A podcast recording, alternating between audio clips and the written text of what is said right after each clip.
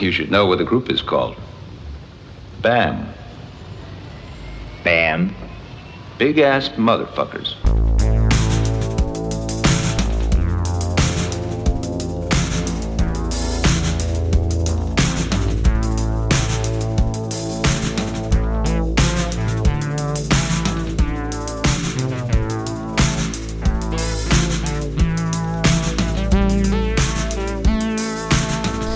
Hej och välkomna till Film och Sofie Podcast med Jonas Hansen och Robin Möller. Podden som är mer än bara en filmpodd. Det är den 3 februari år 2018. Imorgon fyller jag år. Jaha, jag trodde du fyllde år idag. Nej. Ja, ja, skitsamma. Idag är imorgon. Grattis i alla fall. Tack. Jag fick eh, present från Jonas. En bögpresent. Ja. Som en... Det var ganska homoerotiskt. eh, nej, men jag fick filmen I Love You Philip Morris. Eh, som är en bögfilm. Med Jim Carrey och Evan McGregor.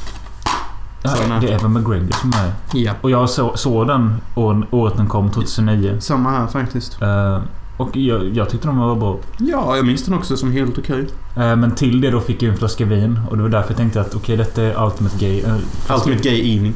flaska rött och eh, I Love You Philip Morris. Jag skulle bjuda över din gay friend och Ja, men komma. det är det jag tänkte. Om du hade några speciella planer med mig typ.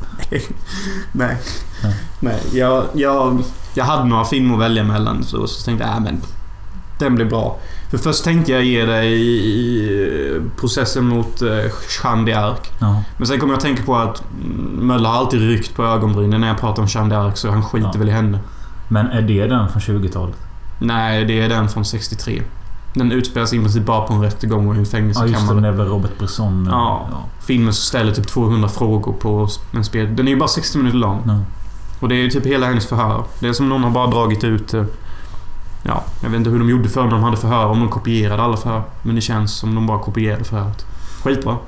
Jag har inte tänkt så mycket på det här med att jag fyller år men... Eh, tanken har slagit mig att imorgon så är jag ju... Eller det är ju nu med, men imorgon är jag 26 och det betyder att jag fan mer mot 30 än mot 20. Ja, Och eh, det ger mig vissa ångesttankar. gör det. Va? Ja, för det... Nej, det känns inte bra alls. Ehm, Nej, det är inte kul att fylla år. Personligen själv har jag aldrig tyckt om det. Typ. man, Man, tyck- tyckte ju om det fram tills man blir 20, ja, ja. Men efter det, nej. Nej, precis. Eh, så... Jag, jag ser det mer som eh, en eh, tråkig händelse. Ja, du, men alltså lite kul är det. Det är väl en achievement typ. Du levde ett år till. Man firar ju det att man fortfarande lever. Man firar ju inte det att man... nu ska vi inte ta ut händelsen i förskott för jag är inte 26 än. Nej, Nej. nej du kanske inte lever om 24 timmar. Men det, det, ja. I alla fall, vi har Mattei-tema. Och eh, det är alltså då Bruno Mattei. Mm. Och... Eh, För er som inte vet så är han en, en fucking rat. Alltså, Ja, och inte så menat utan liksom mer... Han höftar igenom sina filmer. ja, Rätt så jävla snabbt. jag eh, samlade ihop lite info om han. Eh, om någon är intresserad. Liksom, han föddes 31 i Italien. Eh, likt många andra italienska regissörer. Det känns som många är födda på 30-talet. Typ Mm. Ja. Och han var uppvuxen bland filmer redan från tidig ålder för hans pappa hade en eh, filmklippstudio. Eh, där han ofta var när han var liten så det var där, där hans intresse kom. Och sen så gick han ju då utbildningar på gymnasiet med filmer och grejer. Och sen började han göra film slutet av 50-talet. Han är en sjuk snubbe. Så han är. Ja, det, säg, det sägs att han har varit med och klippt över 100 filmer enligt han själv typ. Men det är någon jävla filmhistoriker som eh, säger att det där är väldigt svårt att verifiera för att... Vad sa du nu att han har... Ja, men typ att han har hjälpt till och klippt 100 filmer. Okej. Eh, Men det är en jävla filmhistoriker som typ beg to differ. Eller han säger att det går inte att verifiera riktigt. Liksom, så det är liksom som att de vill... Och jag får intrycket när jag ser hans filmer att inte han har hjälpt till i klippningsprocessen. Utan att han bara... Han bara får manus som han kanske höftar ihop själv. Och sen så filmar han det, och sen så skickar han det till redigering och sen direkt efter han har filmat det så börjar han filma en till film. Med tanke på hur många han hinner gjort. Men det är som jag... Alltså... Han har ju inte gjort så många. Nej, han har inte det, men man får intryck Jo, av det det. är väl alltså så här 35-40 stycken kanske. Det är ändå rätt många, typ. De Ja. flesta hinner inte alls med så många. Det är dubbelt mer än vad de flesta hinner med nästan. Ja, men med tanke på hur, hur kvaliteten håller på vissa så är det ju inte så jävla konstigt. Nej, det är ju det jag menar. Att han liksom typ så här Alltså det är ju många filmer liksom där man känner så här typ ah, Fan detta är samma film som jag nyss såg. Och det är för att han använt samma cast, samma location och nästan samma handling. Mm. Så man har typ filmat två filmer samtidigt. Liksom bara för att ah, men nu har jag de här skådespelarna. Då filmar vi liksom en film till typ i samma miljö och bara ändrar om lite. Mm. Eh, innan vi gjorde detta temat så... Jag kollade upp vilka filmer vi hade sett utav honom innan Mm. detta avsnittet. Och det är Hell of the Living Dead. Eh, jag kommer inte ihåg någonting. Violence in a Woman's Prison. Gillar mycket. Mm. Zombie Flesh Eaters 2 tog han över efter Lucio Fulci drabbats, drabbats av en stroke. Mm. Och gjorde klart den och det är det, jag tror det är därför folk tycker den är skit eller något. Ja, men alltså det är typ tre regissörer som är inblandade. Det är Bruno Mattei, Felucci och så någon till. När Felucci fick stroke så tog Mattei och någon till över. Och då slopade de 60% av vad Lucci hade filmat och filmade nästan 100% själv. Jaha. Så det är nästintill inte en enda bild som är Lucci Felucci sen. Nej, okej. Eh, Men sen så du har sett en som heter SS Girls också. Mm. Gillar man nazi-uniformer och brudar ska man ju se den. Ja. Alltså, alltså, du måste tycka om det annars kommer du inte gilla de filmerna. För det är vad du är, typ. ja. Jag har ju svårt för den genren. Det pratade vi om i avsnitt ett av den här podden. jag gillar det vissa kvällar. Typ kan jag få sån här dricka. Nu vill jag se lite nazi. Du säger i första avsnittet att eh, ibland får jag ryck och ladda ner fyra, fem stycken och bara se dem. Mm, ja, jo.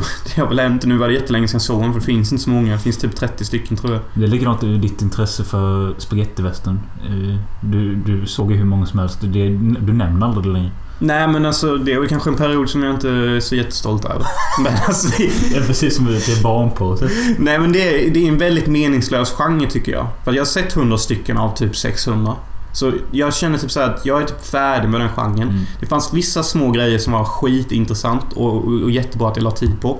Men jag skulle nästan vilja påstå att 80 av de övriga 100 jag sett är inte sevärda typ. Nej. Det är typ bara 20 spagettivästernfilmer som jag skulle kunna rekommendera utan att må dåligt över det. Fast jag tänkte på det nu. Det var ju, det var ju typ bara en vecka sedan du satt här och lodde någon Sabata-scen. Så du har inte släppt det. Nej, alltså som sagt det finns många väldigt, väldigt intressanta, häftiga scener i de här filmerna.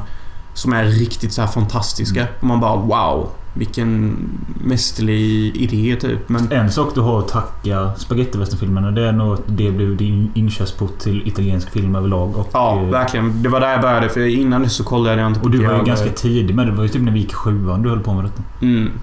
Precis. Och sen så började jag köpa lite crime och sen så slängde man in på Giallo. Så hade det inte varit för spagettivästern så hade jag aldrig hittat alla Nej. ja, Giallos som jag typ gillar mest nu. Men jag har inte alls sett lika många Giallos som spagettivästern. Jag har typ bara sett 30 Giallos. Ja, Finns det på 100 tror jag. det finns nog mer. Ja. Mm. Men det är samma sak där. Det är ju typ bara en 10% som är sevärda egentligen. Ja, ja. Det är, så är det ju med alla genrer i det här jävligt. Så... Även fast de alltid typ är okej att se så då blir det alltid det här typ bara... Ja men som de här Mattei-filmerna vi har sett nu. Vissa av dem var ju verkligen bara så här typ... Ja. Det var kul men jag hade inte behövt se det. Ja. Men det är just också därför han och Frank och så kan liksom bara göra massa jävla filmer. För de... eh, Alltså det är typ... Om man ska säga med Franco, jag har inte sett så många men det känns som att kanske var femte film är någon att ha. Mm, precis. Och, och nästan i alla hans filmer har väl någon intressant fade eller någon snygg brud som gör något häftigt. Mm. Så även fast man slösar 90 minuter så är det ju alltid i alla fall 5 minuter som kommer kännas sevärt typ. Det, det får man alltid fatta när man ser de här italienska typ att det finns stor chans att du inte kommer tycka detta är så bra. Mm. Men du kommer garanterat hitta någonting du gillar. Och Mattei var också känd för att han eh, liksom... eh, Kom det en stor hit i Hollywood gjorde han, gjorde han i princip samma film fast i Italien ett år Mm. senare. Precis. Han Och- gjorde det på Aliens, han gjorde det på Predator. Terminator. Ja. Och... Och det är vissa scener där det är liksom Rambo exakt. tror jag. Ja, precis. Det är vissa scener som är exakt. Ja. Typ när Rambo bara skjuter sönder hela kontoret i Rambo 2. Mm. Sen tar kniven mot hans och hugger jämte. Det är exakt samma... Exakt samma scen. Sen... Eh, han har även gjort en film som vi fick önskemål att se och jag ber om ursäkt på förhand eh, Christian Schill. Eh, vi har inte sett Cruel Jaws, a.k.a. Jaws 5. Men vi, som Redemption så kan vi ju liksom se den och snacka om den i en annan podd som kommer framöver. Bara Ja. ta det mot slutet. Vi, liksom, vi tryckte play på den och kände att nej, vi tar något annat. Mm. Nu har vi ju tre Mattei-filmer här vi snabbt kommer gå över. Ja. Som är rätt fräscha fan. Men om inte det är sagt, Mattei är... Han är en snabb regissör som snor skit och han verkar inte skämmas över det. Nej, alltså han klipper in saker från andra filmer. sånt Ja, det också. Och jag har också hört från andra att det var inte riktigt han som bestämde över det 100%. Utan det kunde vara andra regissörer eller de som klippte det. Som fick press på sig att det här behövs en krokodil. Gå tillbaka till Eaten Alive, spegelvända och kasta in det. Ja, Och Eaten Alive är inte ens hans film. nej, Lenzi. Precis. Men de, det var väldigt så här mycket. Och det är därför jag också får intrycket av att Mattei inte hjälpte till i klippsprocessen. Jag, ser inte emot Jag det. tror inte han gjorde det. Nej. Jag tror bara han filmade. Mm. Och han är ju inte en duktig filmare. Det är ju typ mm, någon bild som funkar. Ja, ja. Vi går vidare. They're coming! The rats are coming! Thousands of them! They'll overrun us all! Rats. What do they want from us? Rats. Why are they man's enemy? Rats. They are watching, waiting. Rats. Their time has come. Den första filmen vi ska snacka om är Rats. Nattens terror. Eller Notte di Terror eller något sånt. Nights of Terror.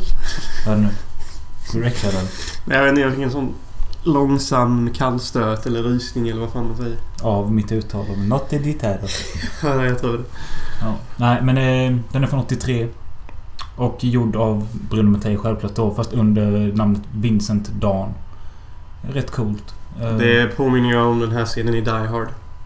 Asian Dawn. And I repeat, Asian Dawn. Asian Dawn, The jag. 12 members of Asian Dawn. Men den är också halvt gjord av eh, Claudio Fragrasso. Som tydligen eh, hjälpte Mattei med många filmer. Jag vet inte om han gjort något eget, men han har i alla fall hjälpt Mattei med mycket.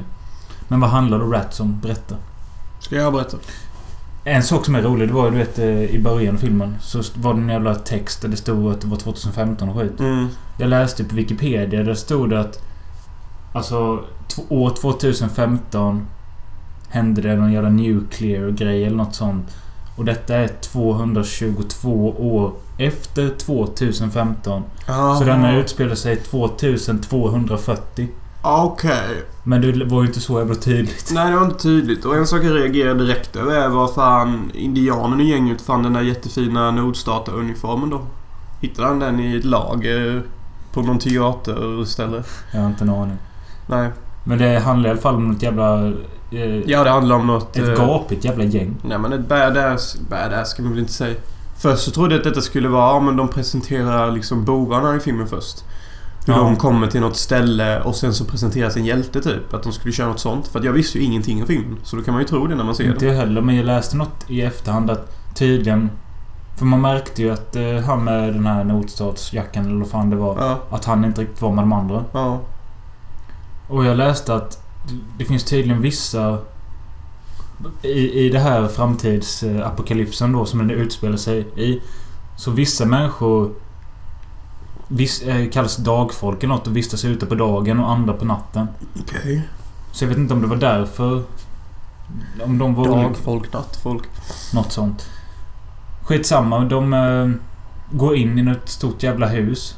Eh, för att, jag vet inte, bara genomsöka det efter mat eller någonting. Vilket de också hittar. Mm. Och de hittar växter och eh, vatten. Och lik. Och råttor. Ja. Ja. Eh, och du sa direkt då att... Eh, fan, eh, har de filmat detta på en övergiven spagettivästern-set? Ja.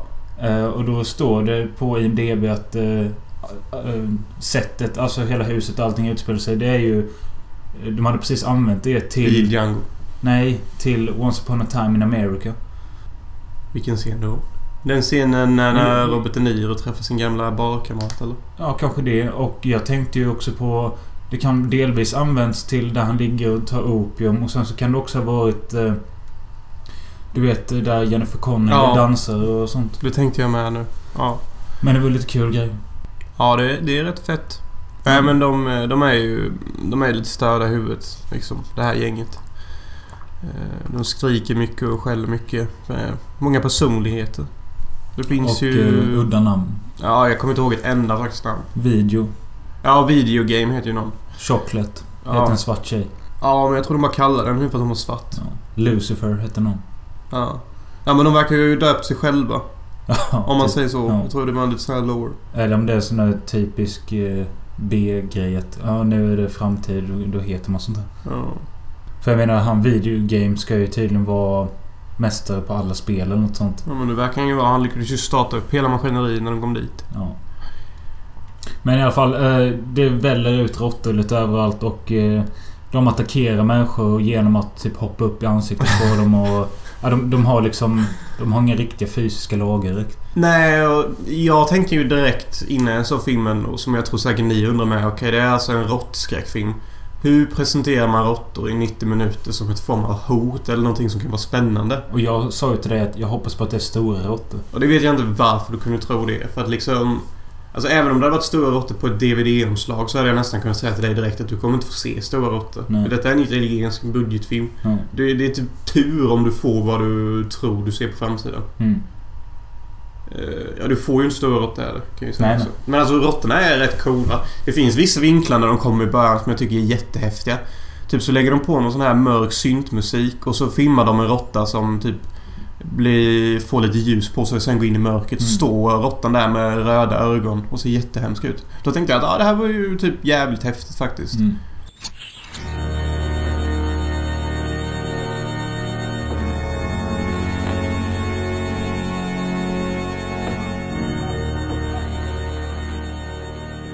Ja, det är ju bara små råttor men alltså det måste ju fan vara äckligt att spela in de här jävla scenerna när det typ ramlar råttor över dem och Ja, sånt. och det är råttor överallt typ på hela scenen. Och... Och... Okej, det var ju fake men jag tyckte det var en ganska så här äcklig grej man kan relatera till att det kan hända en själv. Men den här tjejen som fick råttan i sovsäcken. Ja, Det var äckligt. ja det var det fan. Men jag måste säga att jag tycker de är jävligt kassa på att döda råttorna. Ja, det... De lägger ingen energi direkt på att döda dem och de verkar överdrivet rädda för dem. Jag menar det är ju... Alltså istället för att gå igenom allt så kan de väl fan bara kuta igenom allt. Eller bara typ stampa ihjäl råttorna. Ja, men var det inte... eh, Alltså, det vill jag säga med att jag tyckte filmen i början hade jävligt bra fart. Alltså de första 20 minuterna. Nej, det var ganska spännande och jag var inte alls beredd på filmens handling. Som sagt, jag trodde inte det skulle handla om ett badass gang. Jag, jag. Postapokalyps. Nej. eh. Och när de sitter där i det huset och någon mediterar, någon knullar och någon ligger och myser med någon och det ligger domedagsmusik på. Då är det ganska så här intressant film typ. Ja, men det var det efter de här första 20 minuterna tyckte de tappade lite i tempo. För nu, då fattade man liksom okej det är detta det vi har att göra med. Mm. Och det ska tydligen utspela sig här hela tiden. Ja. Ehm. Och det är någon slags konstig handling med att det finns någon... The Great White Rat. Alltså som i The Great White Buffalo fast det finns en råtta som är vit istället. Som tydligen är någon Men slags... pratade de om det eller? Ja, alltså det finns jättemycket så här djup i uh, rått-lore. så att säga. Nej men det är jättemycket sånt de pratar om hela tiden mellan varven om uh, psykologin kring råttor. Och speciellt den djupe mannen som mediterar, som typ är deras gud Ja. i mitten av filmen. Som berättar om uh, råttornas utveckling. Och hur Ja, de funkar. som Tom på. Ja, som har liksom ett, eh, ett tredje öga. eh, En tatuering i pannan Ja, typ. alltså Bermuda-triangeln tatuerat i pannan som ett form av insikt i tredje ögat. Det finns en jättesjuk scen i mitten av filmen när han berättar långt och djupt om råttor och kameran långsamt går mot honom. Till ganska speciell musik och alla blir livrädda. Mm. Och det, de grejerna tycker jag funkar bäst. Uppbyggnaden för domedags. För det får sån jävla bra Nej, payoff sen. Jag kommer inte ens ihåg att detta sades. Men Nej, jag men- kommer ihåg däremot att de eh, filmade ibland en vit råtta. Men... eh, Ja, men jag vet att du inte så lyssnade så mycket på detta för du fick alltid fråga mig varför attackerar inte råttorna nu? ja. Och vad, vad ska de göra nu och varför beter de sig så? Så en jävla tur att jag lyssnade på vad fan han sa. Ja. Jag vet inte varför jag lyssnade. Jag brukar aldrig lyssna på sånt där. Men det var väl för att jag tyckte det var kul typ.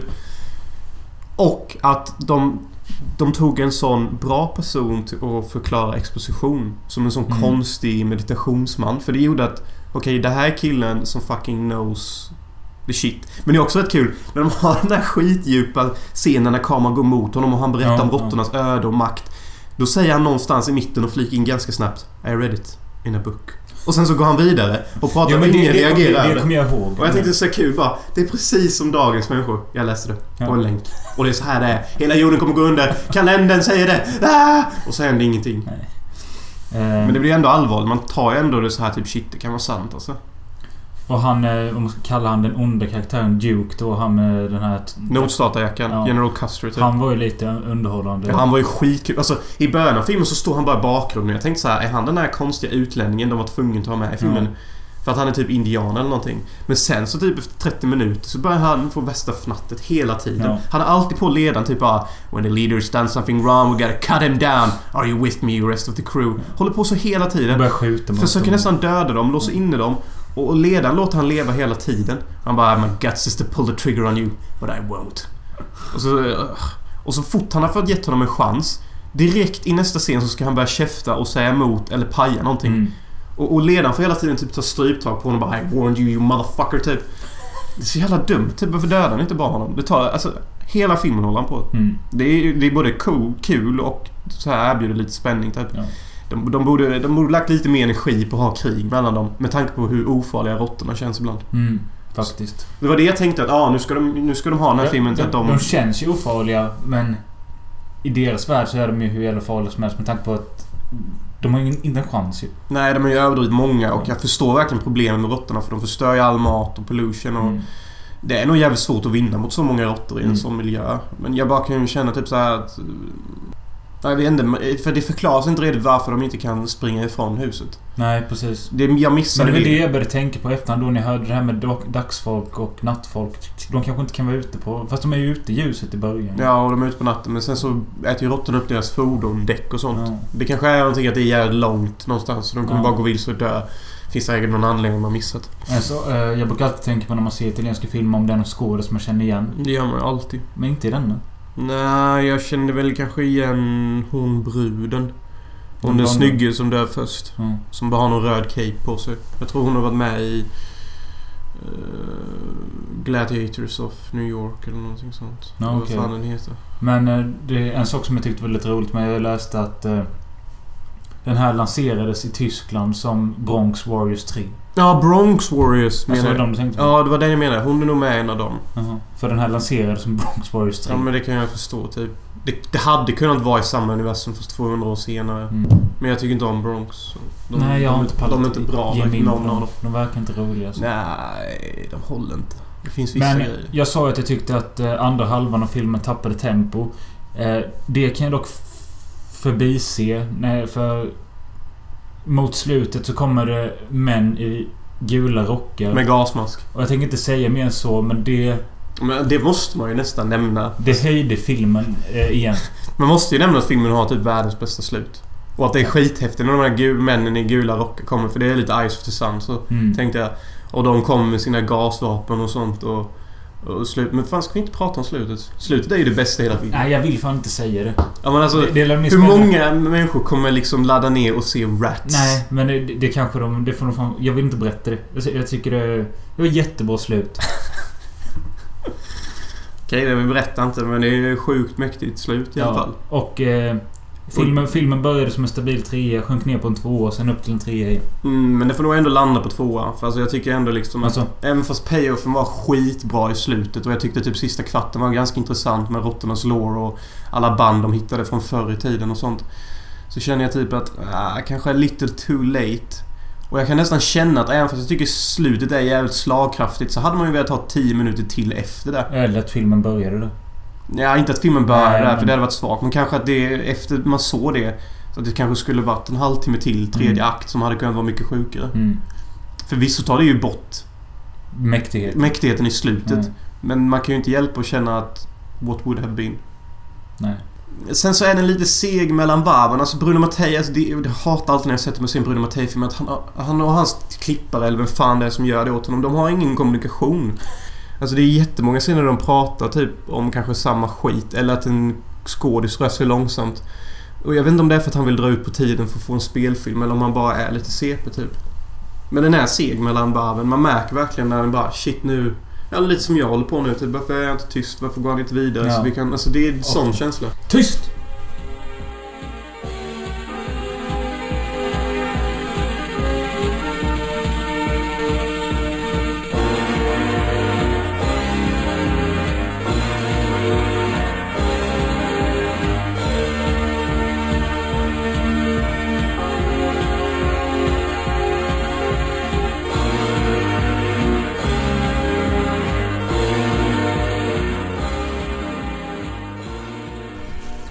Jonas äter några nya Pringles.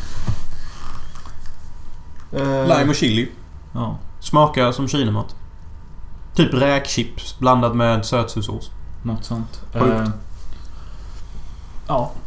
Men eh, vi ska prata om en annan Bruno Mattei-film. Eh, Ja, vi hade bara en liten chipspaus där typ. ja.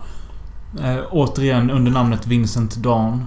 Eh, och Som filmen är ett fett coolt namn. Ja, det är faktiskt coolt. Eh, Jag tänker mig typ någon vampyrjägare eller något sånt. Ja, men typ bara...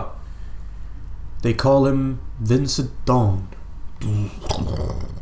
Eller något sånt. Eller typ bara We need to call Vincent Dawn. Ja, det är ett coolt namn. Eh, filmen är då Robo-War från 1988. Fyra år senare föddes jag Möller. Ja. Jag tycker det, jag brukar alltid på senare tid ha fascinerat asmycket över så här när filmer gjordes. ja, jag har också tänkt sånt. Så tänker jag så här, typ bara fyra år senare så föddes vi. Det betyder alltså att då klassas nästan Robowar som en ny film när vi var nyfödda. Mm. Med tanke på hur lite film det kom för så kan man nästan säga att en fyra år gammal film är rätt ny. Kom det så lite film? Jag har studerat detta och jag tycker vi kan flika in det trots att vi ska snacka om Robowar här. Är att jag sökte på mitt år på en sån filmsida, Mm. Puttlocker, 92 bara för att se vilka filmer som kom. Jag har också lite. Och hittade ingen känd film typ. Jag kan inte... Nu så här, jag, jag kollade igenom typ 10 sidor och jag bara... Fan gjordes det inte bra filmer förr eller? Eller kom alla bra filmer efter vi hade blivit några år? Nästan, det är så sjukt. När jag tänkte 92 så den enda titeln jag fick upp i huvudet som jag inte ens är säker Det är ju Gilbert Grape typ. Men det är ju nog 93 tror jag. Ja, 93. Men jag, jag tänkte på, vad heter den? The Unforgiven av Clint Eastwood. Jag är nästan säker på att det är 92. Det är det. Ja. Det fucking är det. Antingen det eller så är det 90 men jag är nog... Jag är 98% på att det är 92. Då är det väl typ den då. Kan ja, men? Reservoir Dogs kom väl 92? Det är sant det också. Faktiskt sant. Jävligt sant. Okej. Mer? Uh, Nej. Nej. Det kom finns- inte Batman Returns då? Eh, jo, men det är typ ingen som tycker om den. Nej. Och jag tycker typ bara om Catwoman i den. Sen tycker jag resten är skit. Skit i 92. Ja, men det jag menar är att det var efter vi föddes alla bra filmer kom. Det är inte konstigt så många i vår generation är så himla mediebesatta. Skit. Det Nej, finns nej. ju hur mycket bra film Ja, som helst. typ Die Hard, Indiana Jones och Citizen Kane. Vilka mer var bra? Okej, Psycho kanske? Ja, Breakfast Club. Ja, okej, name. Nightmare on Elm Street. Men jag lovar att alla filmer du nämner där så kan jag säkert nämna dubbelt så många filmer som kom efter det som är bättre än dem. Stand By Me. Sure, it's fair game. Det finns jättemånga bra. Jag bara Best, menar... of, best of the best. Nej. Jag bara menar att majoriteten av filmer som jag klassar som bra kom efter vi föddes eller jävligt tidigt in på när vi föddes. Okej. För jag kommer ihåg när jag var liten, då fascinerades jag så mycket över hur jävla bra alla filmer var. Och hur jävla mäktigt allt var. Men sen så kom jag på det att... Ja, Kan jag, inte det också bero på att det var liksom din första... jo, lite så med. Första gången du såg film typ? Ja, och då, men jag tycker bara det är fascinerande att första gången jag kollade på film var också då alla bra filmer kom. Ja, jag, jag, Jag vet inte om detta argument håller. den här men tesen eller fan det, det, det får stå för dig. det var fascinerande. Jag, jag, när jag kollade in och studerade, Men det är för att jag pluggat lite nu så jag börjat så här, okej, studera lite. Så tyckte det var Mm. coolt. Men ni lyssnare, håller ni med? Eh, Alltså... eh, Jag vet inte, alltså oavsett hur gamla ni är, håller ni med om Jonas grej? Att filmerna... Eller gäller detta bara 90-talet eller vad? Nej, det gäller alltså typ från 95 framåt, tänker okej. jag. För att jag ser det från att 97, och då började vi komma in i riktiga filmer liksom. Då började Starship Troopers komma, då kom eh, liksom... eh, Ja, massa, alla de... Fan Matrix och alla de liksom och skit. Liksom, ni vet. Håller ni lyssnare med? Om ni förstod vad han menar. I alla fall, Robowar av Bruno Mattei, Vincent Dawn. Skriven av Claudio Fragresi. Som eh, också hade skrivit Rats. Men denna gången skrev han det tillsammans med sin fru. Eh, Rosa... Bella. Nej, Rosa, Rosella Drudi eller något sånt. Ja. Rosella druvfrukt. Ja. Eh, ja, men vad handlar den om? Ja, alltså basically är det ju en Predator rip-off. Ja, det är det den är känd för att den... Eh, Och det räcker ju för att beskriva handlingen. Predator kom ju 87. Alltså året innan denna. Så Mm. Bruno var ganska snabb och sticka till Filippinerna och göra denna. Ja, eller så hade han otroligt nog bara samma idé. Det tror jag inte med tanke på att vi vet vem Mattei är typ. Ja, det är sant. Och sen det är många grejer som är väldigt likt. Alltså allting upplägg nästan likt. Först kommer de dit. De Ja. har ingen aning om vad de slåss mot. Sen så dödar de några nameless asians ute i skogen. Ja. Den repliken 'Stick around' finns till och med. Fast han säger 'Don't move'. Ja, Men alltså exakt samma payoff. Ja. Någon kommer i ryggen, han kastar machete, han fastnar i väggen. Han ger en blink, säger en badass one-liner. Ja. Bara det istället för stick around så säger han don't move. Och enda anledningen till att jag skrattade där var för att jag visste typ att det här är exakt samma skit. Ja, och du kan ju inte mena att Mattei inte var medveten om Predator. När vi tar, Nej, när när vi, jag ser det då vet jag att han Ja. har snott. Men alltså hela upplägget och sen också att... Eh, det här när man får se från eh, monstrets synvinkel Mm. och det är liksom en... Eh, något jävla filter på och ett ljud. Första gången det visas, förstår ni vad jag menar? Så i Predator är det ganska klassiskt när man får se från Predators synvinkel. Ja, Så det är det- typ invert, värmekamera, Ja, och mix. så hör man hans knarrande ljud. Ja. Här är något liknande, bara det att monstret här är en slags robot. Det är därför jag tror att på IMDB står det att det är en mix mellan Robocop och Predator. Och det är det ju lite också om man bara ser till den sista kvarten när man inser typ att roboten är cyborg. Och har en emotionell koppling till vår så kallade huvudperson. Ja. Vilket jag tycker är lite fint. Bara det att det blir inte jättebra payoff för att det, det, det förklaras via en random flashback. Ja. Som vi såg. Och jag bara tänkte vad fan är detta? Vad fan är de nu? Vietnam Flashback. Ja, de är fortfarande i samma sorts djungel. Det är bara en fade på. Hur ska jag kunna fatta att detta är en flashback typ? Alltså... Återigen bevisar ju Mattei att han är en skitregissör. Ja. Ursäkta alltså. Ja, ja. Alltså jag tycker, jag tycker dock... Och hade, hade det inte varit bättre om... Om man nu ska ha in den jävla Flashbacken. Mm, ett annat filter kanske? Nej men ja, det med kanske. Men hade det inte varit bättre Har den tidigare typ? Antingen tidigare eller senare då andra gången han öppnade glasögonen. Att första gången så kunde man bara varit så att de fick ögonkontakt. Ja, Och sen så, var, så fattade inte publiken någonting. Nej, sen och se- sen... Det är fan sant. Det är skitbra. Det är det... Ja, Mölle tar upp en jättebra poäng här som jag ska förklara. Det här är anledningen till varför man ser kassafilmer. Det är för att det är så lätt när man ser dem och fatta vad man hade kunnat göra för att bara Bättre göra det själv, lite typ. bättre. Ja. Alltså bara tweaka det lite. Sånt är så svårt i bra filmer för att de är typ nästan redan kompletta. Ja. Det enda man kan klaga på är kanske att någon är ful typ. Ja. Men ja, vi har då ett gäng med jävla sol- supersoldater som har konstiga namn igen. Eh, Som är- Blood, Murphy, Brown, Black. Here we have Corporal Neil Corey, top marksman waiting. Private Larry Garino, Alfred Bray, dubbed Papa Doc. Sonny Peel, martial arts expert. His friends call him Blood. Quang, forward scout and point taker. And this is our coordinator, Major Murphy Black. Quang, Quang. Quang. Men någon heter Blood, typ. Och vi har en tjej i hela filmen och hon krediteras som Virgin. Ja. Hon heter Virgin. Ja. Jag vet inte om det är för att Bruno Mattei tänkte ha en Och som och sällan nu skrev manus. Sket hon i i... kvinnlig karaktär. Ja. jag vet inte. För att hon har typ tre lines. Hon Ja, berättar om något sjukhus. Som jag inte fattade någonting av. Sen så har hon en line en timme senare som är typ You built this? Ja. Sen säger hon inget mer. Ja, det var något, något mer i slutet kanske men... Ja, alltså jag gillar att hon är med för att det är för många män i filmen. Ja. Men eh, alltså jag kan ju känna att... Men då önskar man att hon skulle tillfört mer. Detta är ju sån jävla post-åsikter från en modern man. Ja, ja. Hade vi sett den här 88 hade vi nog inte brytt oss så mycket. Nej, ja... Ja, inte lika mycket tror jag. Nej.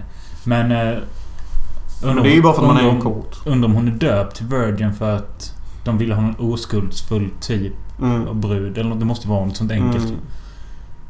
För de andra namnen vet jag inte. Blood. Ja. Nej men Mattei, alltså... Det jag tyckte är det roligaste och bästa med hans filmer, det är namnen han väljer att ge till alla sina karaktärer. Jag tycker han är duktig på det. Jag, jag står mycket för att folk och karaktärer ska ha originella namn. Jag skiter i om det grundar sig i logik, Mm. typ. Men man skulle kunna liksom när man hör ett namn och bara veta ja just det, det är hon som är med i den där filmen av den regissören. Det ska koppla direkt, typ. Och det gör jag med de här namnen. Men den onda varels, varelsen då, den här roboten. Den kallas då The Hunter och Omega One. Mm. Och spelas av Claudio Fragrassi, eller Fragresso. Mhm. Mm. Ehm, Manusförfattarna. ja. Eller, ja. ehm, Ja, men actionscenerna är ju otroligt jävla inspirationslösa. Det känns som att det är pojkar som leker krig ute i en djungel. ja, det, De går runt och kollar det är som att Mattei var sju år när han gjorde den. För att han tänkte typ ja men vad är häftigt i action? Om vi bara skjuter så mycket vi kan. Och Mm. bara... Mm. Och sen så det, det är efterblivet. Man märker typ att skådisarna inte riktigt vet vad de gör i scenerna. Och man märker att regissören inte riktigt vet var vissa klippbilder ska sitta. För när de springer runt i skogen och kollar åt olika håll. Då är det typ som att ingen har koll på vad fan det är för scen som gäller. Ja, lite så. Och man själv som sitter och tittar på detta fattar inte heller riktigt vad fan som händer. För det är djungel överallt och man är vilse som fan. Ja, och jag reagerade på... Det finns en scen när de kommer till den här asiatiska lilla byn. Och då går alla på varsitt håll och ska eh, ta över då och mörda de här asiaterna och... eh, Mm. Det är klippt ganska rörigt men det funkar ändå någorlunda. Ja, den, den actionscenen när de förstör byn. Den funkar. Men det jag reagerat på är att de kan ju omöjligt ha koll på var deras vänner är någonstans. Och där sitter en utav eh, killarna med en bazooka bara skjuter rätt in i ett hus. Ja. Jag menar, det... Nej, den är ju klippt hej vilt. Jag tror han filmade liksom... Han filmar ju typ alla individuellt när de gör krig Ja, där. Och sen så har han bara klippt ihop det. Och det funkar hyfsat men som du säger så är det en jävla grötfest. Ja, det känns som att någon borde ha dödat någon av sina egna. Mm, och det är inte logiskt heller. Fast det kanske är lite logiskt. Men vissa av asiaterna som de mördar springer runt med M4. Jaha, så det är så klassisk Jonas-grej. Och jag tänker så här typ bara, de har inte M4. Så liksom, det är nog en budgetfråga. Typ att de bara fick ett visst antal AK47. Ja, Och som, så kan att asiaterna fick, ja, de fick ha vapen typ. Det var lite konstigt för mig för jag har kollat typ tre Blu-ray-filmer denna veckan och så nu ser jag denna på YouTube i typ 240 kvalitet. Ja, det var väldigt låg kvalitet så. Och eh, de här... Eh, när det är det här filtret då från eh, robotens öga, då är det ju liksom två pixlar typ. Ja, det är ju ännu sämre. Det är ännu sämre. Det är helt sanslöst. Och jag, jag tyckte soundtracket, det här med synten, det, det var ganska bra så. Eller det var väl inget, inget speciellt men det funkade. Men problemet var att det användes helt fel. För det var ganska upptempo så. Men Ja, de borde kört runt i jeepar och Ja, lätt mot precis. varandra. Då hade det varit coolt som fan. Eller att de tar det liksom när de springer och Ja. skjuter eller något sånt. Här var det typ när de gick. Ja. Men det är ju också ett sånt där problem att Tay har. Typ att han, han har ingen smak för tempo. Man lät sig, lät sig av agenten. Ja, Argento var ju lite bättre men det är ju... Vi får tänka på att eh, det var lite en annan tid också. Folk klippte inte nödvändigtvis för att det skulle passa som en musikvideo. Det kom mycket senare det där tänket. Mm. Alltså, jag var väl lite förväntansfull eh, hur cool den här roboten så skulle vara. Men första mötet man får med den... Då... Den ser ut som The Wraith. Från The Wraith. Ja, precis. Med Då- eh, ja. Charlie Sheen. ja. Eh, Som en sån... En, ja, en Motor, sadom... motorcykeldräkt. Ja, motorcykeldräkt möter kinky sexual addict. ja. Lite så. Men då första gången man får se han, då är det liksom, han gör inget mäktigt. Han kastar en kniv som sätter sig i ett träd. Mm. Och det är Asfattigt. Men sen så har han en jävla laserkanon som är lite så halvball typ. Och lite lik. Men det går ju inte att ta rätt allt på allvar för att soldaterna är helt jävla inkompetenta. Ja. Alltså alla som dör i filmen dör på grund av att de är idioter typ. De Nästintill. Går fram till honom. Roboten. Alltså det här är också ett sånt problem jag har med Mattei. Typ att han kan inte presentera sina faror på ett farligt sätt. Utan att liksom människorna är idioter som ställs mot faran. Som de här jävla råttorna i förra filmen exempelvis. Mm. Alltså hur svårt är det att typ kuta igenom? Vet du vad? Jag, jag kollade på en intervju med Mattei eh, och han sa att eh, majoriteten av råttorna i den här filmen var faktiskt marsvin som de målade. Ja.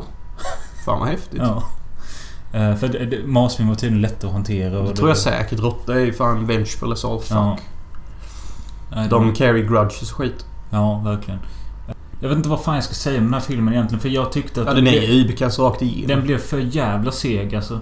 Alltså nu den sista halvtimmen märkte du inte det? Jag gick på toa, jag gick in i köket, jag gick... Jag funderade på om jag skulle ta en liten nap när jag satt här. Ja. Det var nära att jag gjorde det. Eh, Men den är jättedålig ju. ja, men jag Alltså, på... Alltså, Det finns knappt några redeeming qualities. nej, men jag tänkte så här underhållningsvärde, så här kul. Nej, inte direkt. Alltså det är ju jävla tur att vi ser detta ihop. För jag hade inte sett klart det själv. Jag tror jag hade sovit eller kanske snabbspolat. Ja.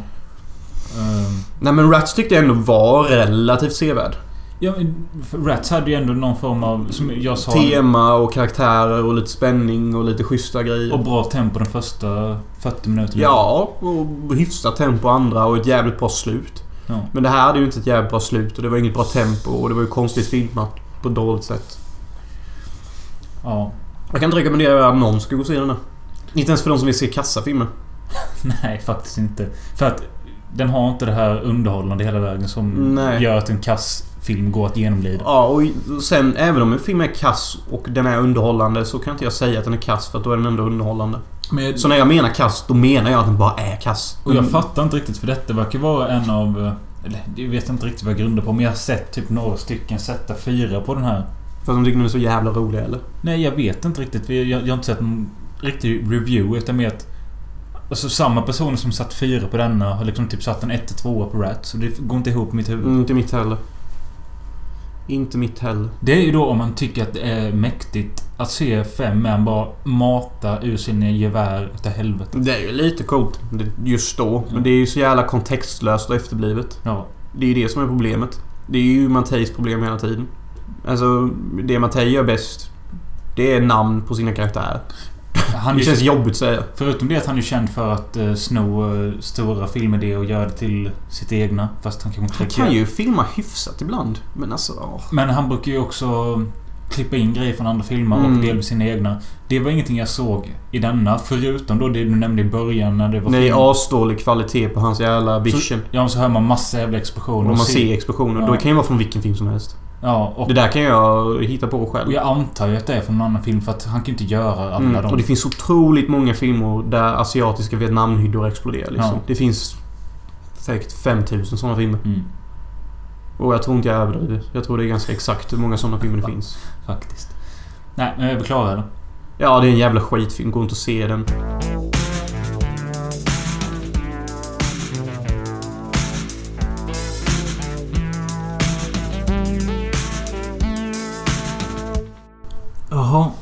Sista filmen för detta tema är eh, Bruno Matteis eh, Orange is the new black.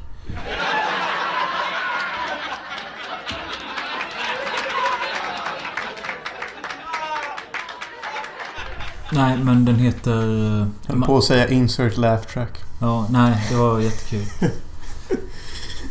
Den heter Emanuel, Emanuel in Prison, den heter Woman's Prison Massacre och den heter någonting till. Ja. Ehm, jag tror den mest känd som Emanuel in Prison. Women's Prison Massacre is renowned Italian exploitation maestro Bruno Mattei's gruesome and shocking tale of female incarceration. The prisoner has been sentenced to five years in prison. When falsely convicted Emmanuel finds herself locked up in a corrupt penitentiary, she vows to defend her cellmates from the ruthless warden and brutal sadistic guards. Women's Prison Massacre, maximum security, has just gone to hell. Den är från 83. Samma år som eh, Violence in a Woman's Prison. Uh, Bruno Matteis andra Woman, Woman in Prison-film. Mm. Och eh, de är lika på många sätt, men... ehm, Samma cast.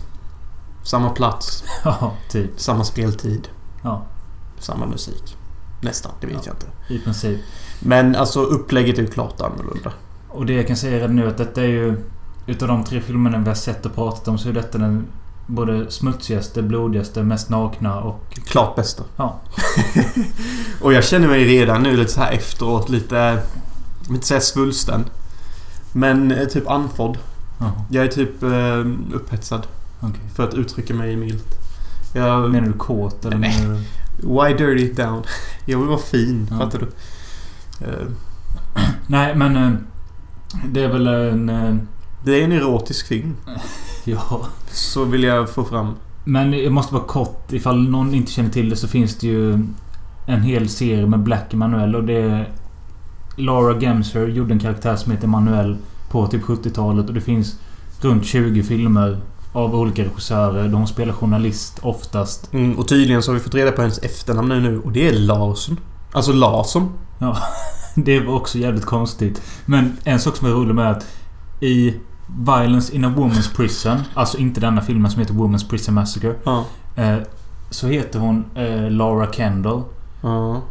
Men den, in, den tillhör ändå Emanuel. Mm, men de kanske tryckte på namnet efteråt. Jag vet inte om hon heter Laura Kendall bara för att hon kan inte gå under Emanuel. Namnet Emanuel. Det kan vara ett alias också. Ja. Eh, men i alla fall, Woman's Prison Massacre, a.k.a. Emanuel in Prison. Mm. Eh, den börjar då med att Emanuel är och typ föreläser i en fängelse. Nej men den börjar... När man ser första början så kan man nästan tro att detta är någon slags modern film. Nästan som en amerikansk version av Vägen ut typ. Ja, typ. För att eh, de har någon teater typ. Och sen så efter den så applåderar vissa och vissa applåderar inte. Och sen så går hon och pratar med Warden då. Som är min favoritskådespelerska men jag vet fan vad hon heter. Jag hittade hennes namn här nu. Jag tar reda på det. Lorraine Dessel. Ja, Lorraine Deselle. Ja. Jag har ingen aning. Hon är i alla fall fruktansvärt jävla äckligt söt typ. Eh, Men har- jag, jag tycker inte hon är... Nej, jag, jag tycker typ inte det heller. Men hon har någonting som gör att jag vill bara liksom ta henne i sängen romantiskt. Okej. Och liksom det har hon. Alla killar har sånt här. Det finns alltid någonting killar går igång på. Typ bara hon är så jävla tight och då kan man själv titta på henne och bara... Så det jag försöker tänka här är liksom... Hon är att- alltså... Det är huvudbruden i Cannibal Ferox. Ja, men alltså det finns ju alltid någonting som triggar någonting hos någon annan. Jag kan inte förklara varför jag känner ett sånt högt attraktionsvärde för den här kvinnan. Nej. Jag kommer aldrig kunna få reda på det heller för jag tror hon är död. Det tror jag inte. Men jag tror inte att hon gör film längre. Nej, jag tror inte hon är lika jävla... Ja, ja ni vet.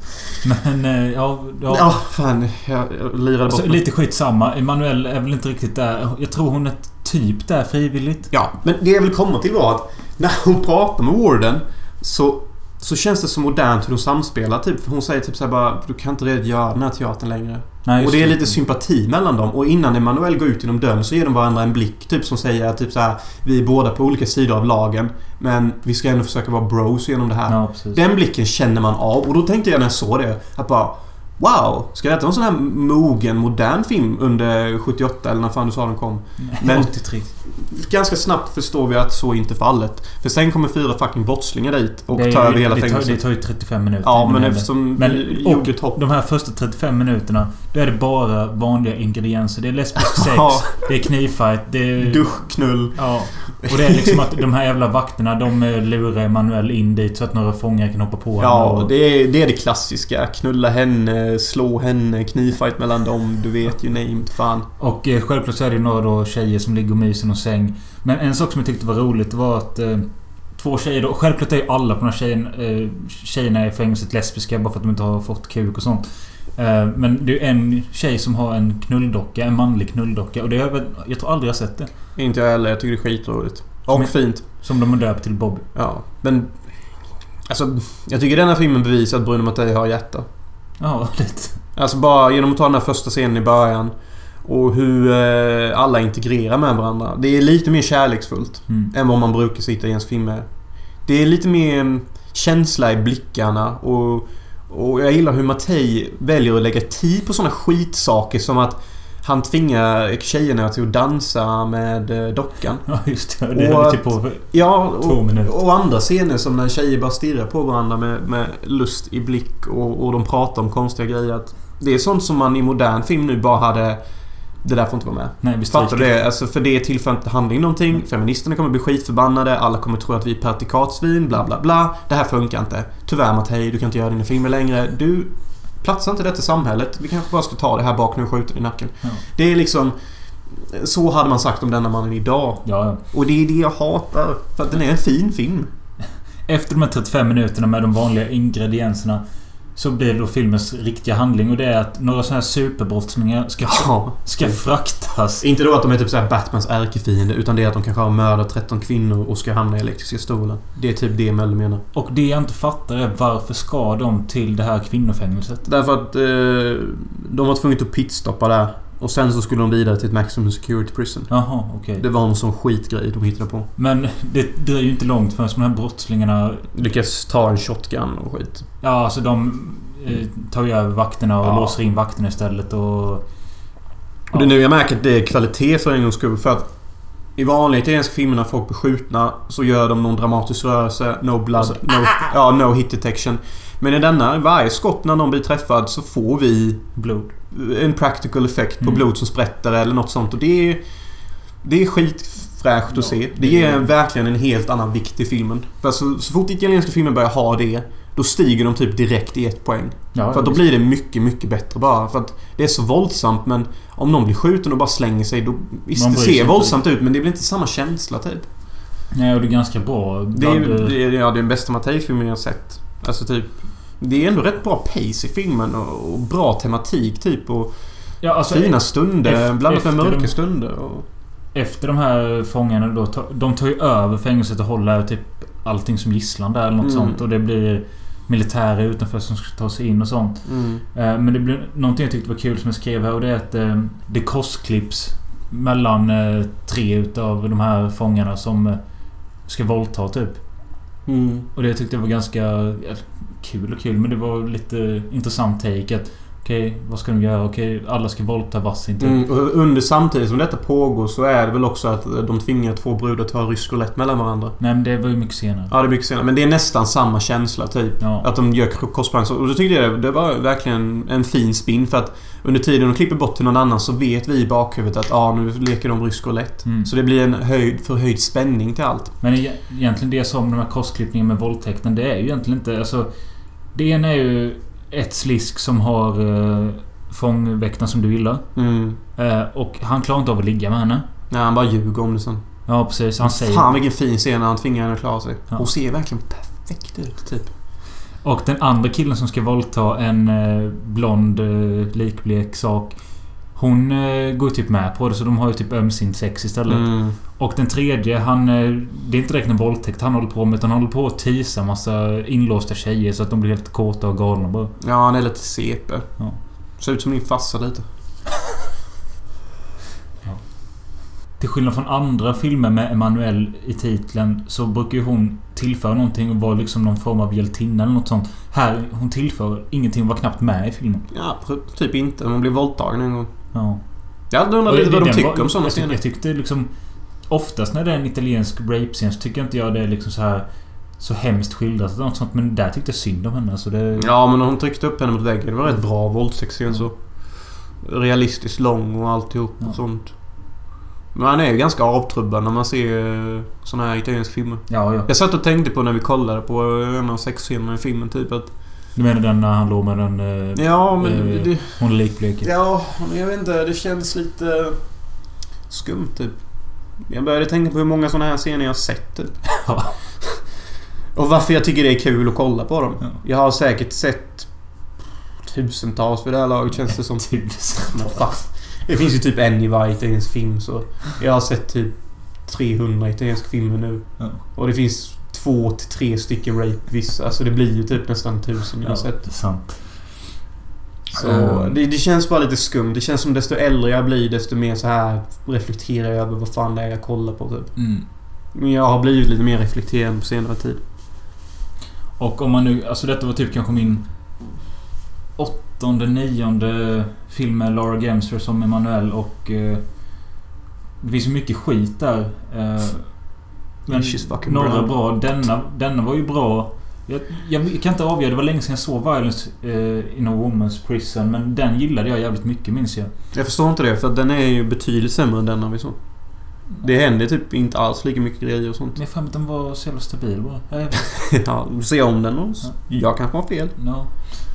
Men alltså det, det, det är så jävla skillnad mellan det här och att vi såg eh, Robowar innan. Alltså om man jämför liksom när det väl skjuts i Robowar och skjuts i denna. Så som du sa, man får ingen effekt i Robowar. Men här Ingenting. får man det. Ja.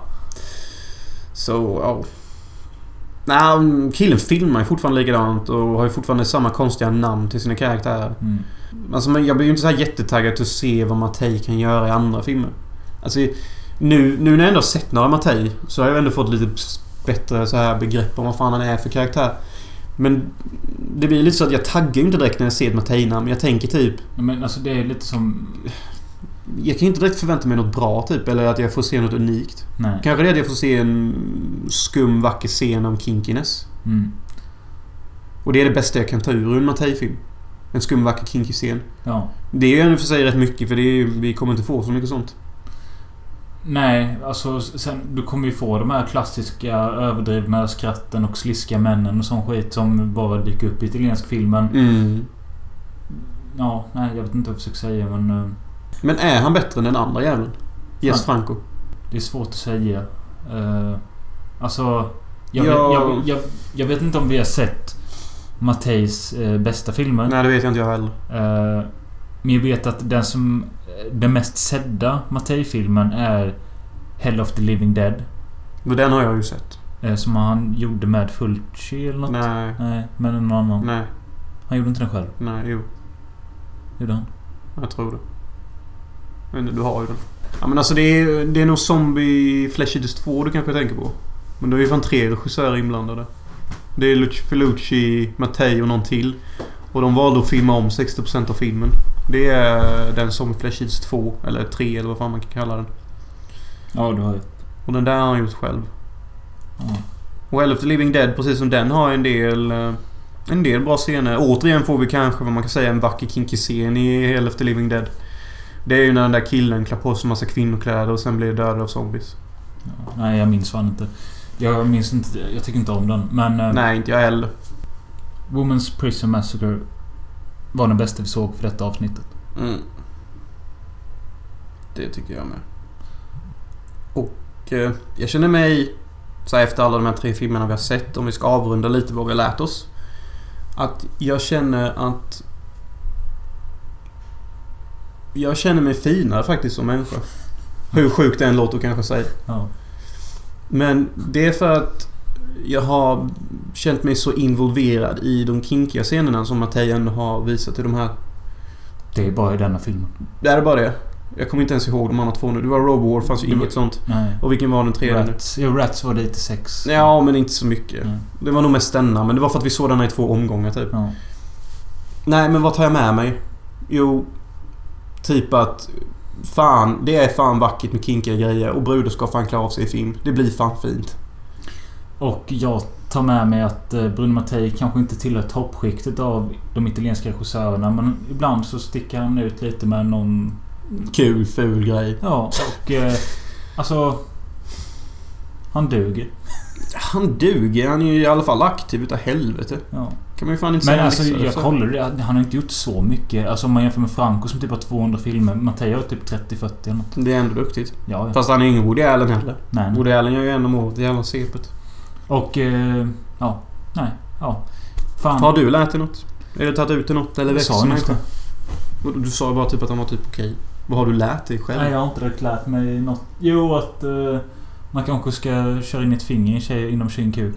Ja, speciellt om man hittar henne bara liggandes på något skumt ställe. Mm, men det tänkte jag också när jag såg den scenen att...